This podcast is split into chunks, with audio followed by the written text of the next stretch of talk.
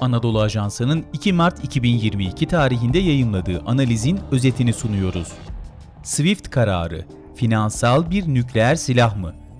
Yazan Profesör Doktor Elif Nuroğlu, seslendiren Sefa Şengül.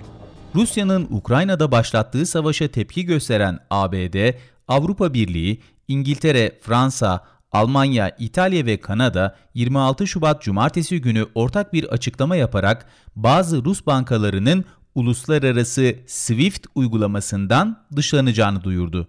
Bununla birlikte Rusya Merkez Bankası'nın 630 milyar dolarlık döviz rezervini kullanabilmesini zorlaştıracak kısıtlamalar da hayata geçirilecek.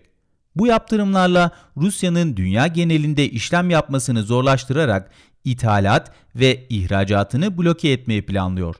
Rusya 2014 yılında da benzer bir tehditle karşı karşıya kalmış ve o dönemde Rusya'nın eski Maliye Bakanı Alexei Kudrin, SWIFT'ten dışlanma kararının Rusya ekonomisini %5 oranında küçültebileceğini tahmin etmişti. Rusya ekonomisi 2022 yılında 2014 yılına göre daha iyi durumda olsa da SWIFT'ten dışlanmanın Rusya ekonomisine pek çok açıdan kayıplar verdirmesi bekleniyor. Avrupa Birliği'nde herkes kararın arkasında değil. Fransa Maliye Bakanı'nın ifadesine göre SWIFT kararı finansal bir nükleer silah niteliğinde. Batılı ülkelerin bu yaptırımı Rusya'nın uluslararası ödemelerinde, ihracat ve ithalatında büyük sıkıntılar doğurabilir. Ancak SWIFT yasağı dönüp dolaşıp bu kararı alan ülkeleri de olumsuz etkileyecek. Bu nedenle bu kararın Avrupa Birliği'nde tek sesli bir şekilde savunulmadığını görüyoruz. Örneğin Almanya bu denli etkili olacak bir silahın kendi iş insanlarını ve sanayisini de vuracağını düşünerek hareket ediyor. SWIFT dışlamasının sadece hedefe yönelik ve işlevsel şekilde kullanılması gerektiğini savunuyor. Almanya bu finansal nükleer silahın gerekmediği yerde kullanılmaması ve kendi ekonomilerine ölçüsüz bir şekilde zarar verilmesinin önlenmesi gerektiği mesajını veriyor. Bu yaptırım herhangi bir üründe Rusya'ya bağımlı olan ülkeleri de zora sokacak. Rusya'nın ödeme yapması veya alması zorlaştırılmak istenirken bu kararı alan ülkelerin iş insanları ve sektörleri daha karmaşık bir sistem veya ara çözümlerle Rusya ile alışverişlerine devam etmek zorunda kalacak. Diğer bir çözümse Rusya'ya alternatif aramak olacak. Ancak enerji arzı konusunda bugünden yarına Rusya'ya alternatif bulunamayacağını başta bu kararı alan ülkeler olmak üzere herkes biliyor. Rusya için SWIFT'e alternatif yollar var mı?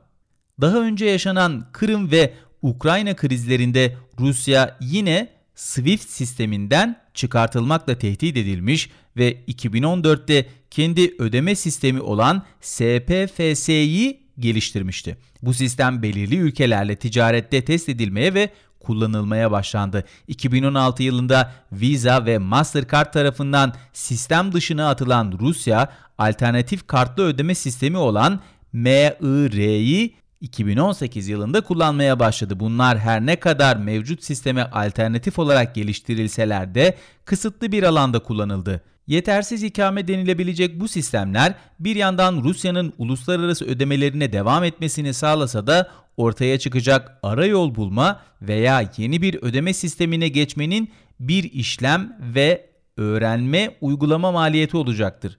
Diğer yandan kriz durumunda artacak enerji fiyatlarının enerji arzında alternatifsiz olan Rusya'nın yaşayacağı kayıpları kısmen telafi etmesi de beklenebilir. SWIFT kararının Türkiye'ye etkisi Türkiye'nin Rusya ile Ukrayna arasındaki bu gerilimden özellikle enerji, turizm ve ticaret açısından etkilenmesi bekleniyor. Yaptırımın dışında kalan bankalar aracılığıyla ödemelerin yapılması halen mümkün olacağı için ikili ticaretin tamamen kesilmesi beklenmiyor. 2021 yılında Türkiye'ye gelen turistlerin %27'si Rusya ve Ukrayna'dan geldi. Yaşanan savaşın 2022 yazında bu ülkelerden gelecek turistleri tamamen engellemesi en kötü ihtimal. Daha iyimser senaryoya göre ise bu ülkelerden turist gelebilir ancak gelen turist sayısı bu iki ülkenin savaştan ne büyüklükte bir ekonomik zarar gördüğüne bağlı olarak değişir. Son durum Rusya'nın bazı bankalarının SWIFT sisteminden çıkartılması, Rusya'nın ithalat ve ihracatında ödemeler hususunda zorluklar yaşatacak ve yeni ara çözümler aramak işlem maliyetlerini arttıracaktır. Ancak tüm Rus bankalarının bu yaptırıma dahil olmaması olumsuz etkileri sınırlı tutacaktır. Diğer yandan ihracatında azalma ve ödemelerde sıkıntı yaşayan ve Merkez Bankası'nın rezervleri uluslararası arenada felç edilmeye çalışılan Rusya'nın ekonomisi pek çok bakımdan zarar görecektir. Rublede değer kaybı ve enflasyonda yükselme yakın zamanda Rusya'yı içeride zorlamaya başlayabilir. Bu yaptırımlar sadece Rusya ekonomisine zarar vermekle kalmayacak, Rusya ile ithalat veya ihracat yapan ülkeler de bundan dolaylı yoldan etkilenecektir. Örneğin rublede yaşanan değer kaybı ve Rusya'da yükselen enflasyon sonucunda Türkiye'ye gelen Rus turist sayısı azalabilir. Artan enerji ve buğday fiyatları Avrupa Birliği içinde maliyet artışı ve enflasyon artışına sebep olabilir. Rusya SWIFT yaptırımına ihracatını azaltarak cevap verirse Avrupa Birliği ve Türkiye başta olmak üzere Rusya ile iş yapan tüm ülkelerde üretimde azalma, sanayide duraksama, maliyet artışı ve arz güvenliği sorunları görülecektir. Rusya'nın ve diğer ülkelerin SWIFT yaptırımlarından ne ölçüde etkileneceği sorusunun cevabı hangi bankaların bu sistemden çıkarılacağı yönünde gelecek resmi açıklamaya bağlı olarak değişecektir.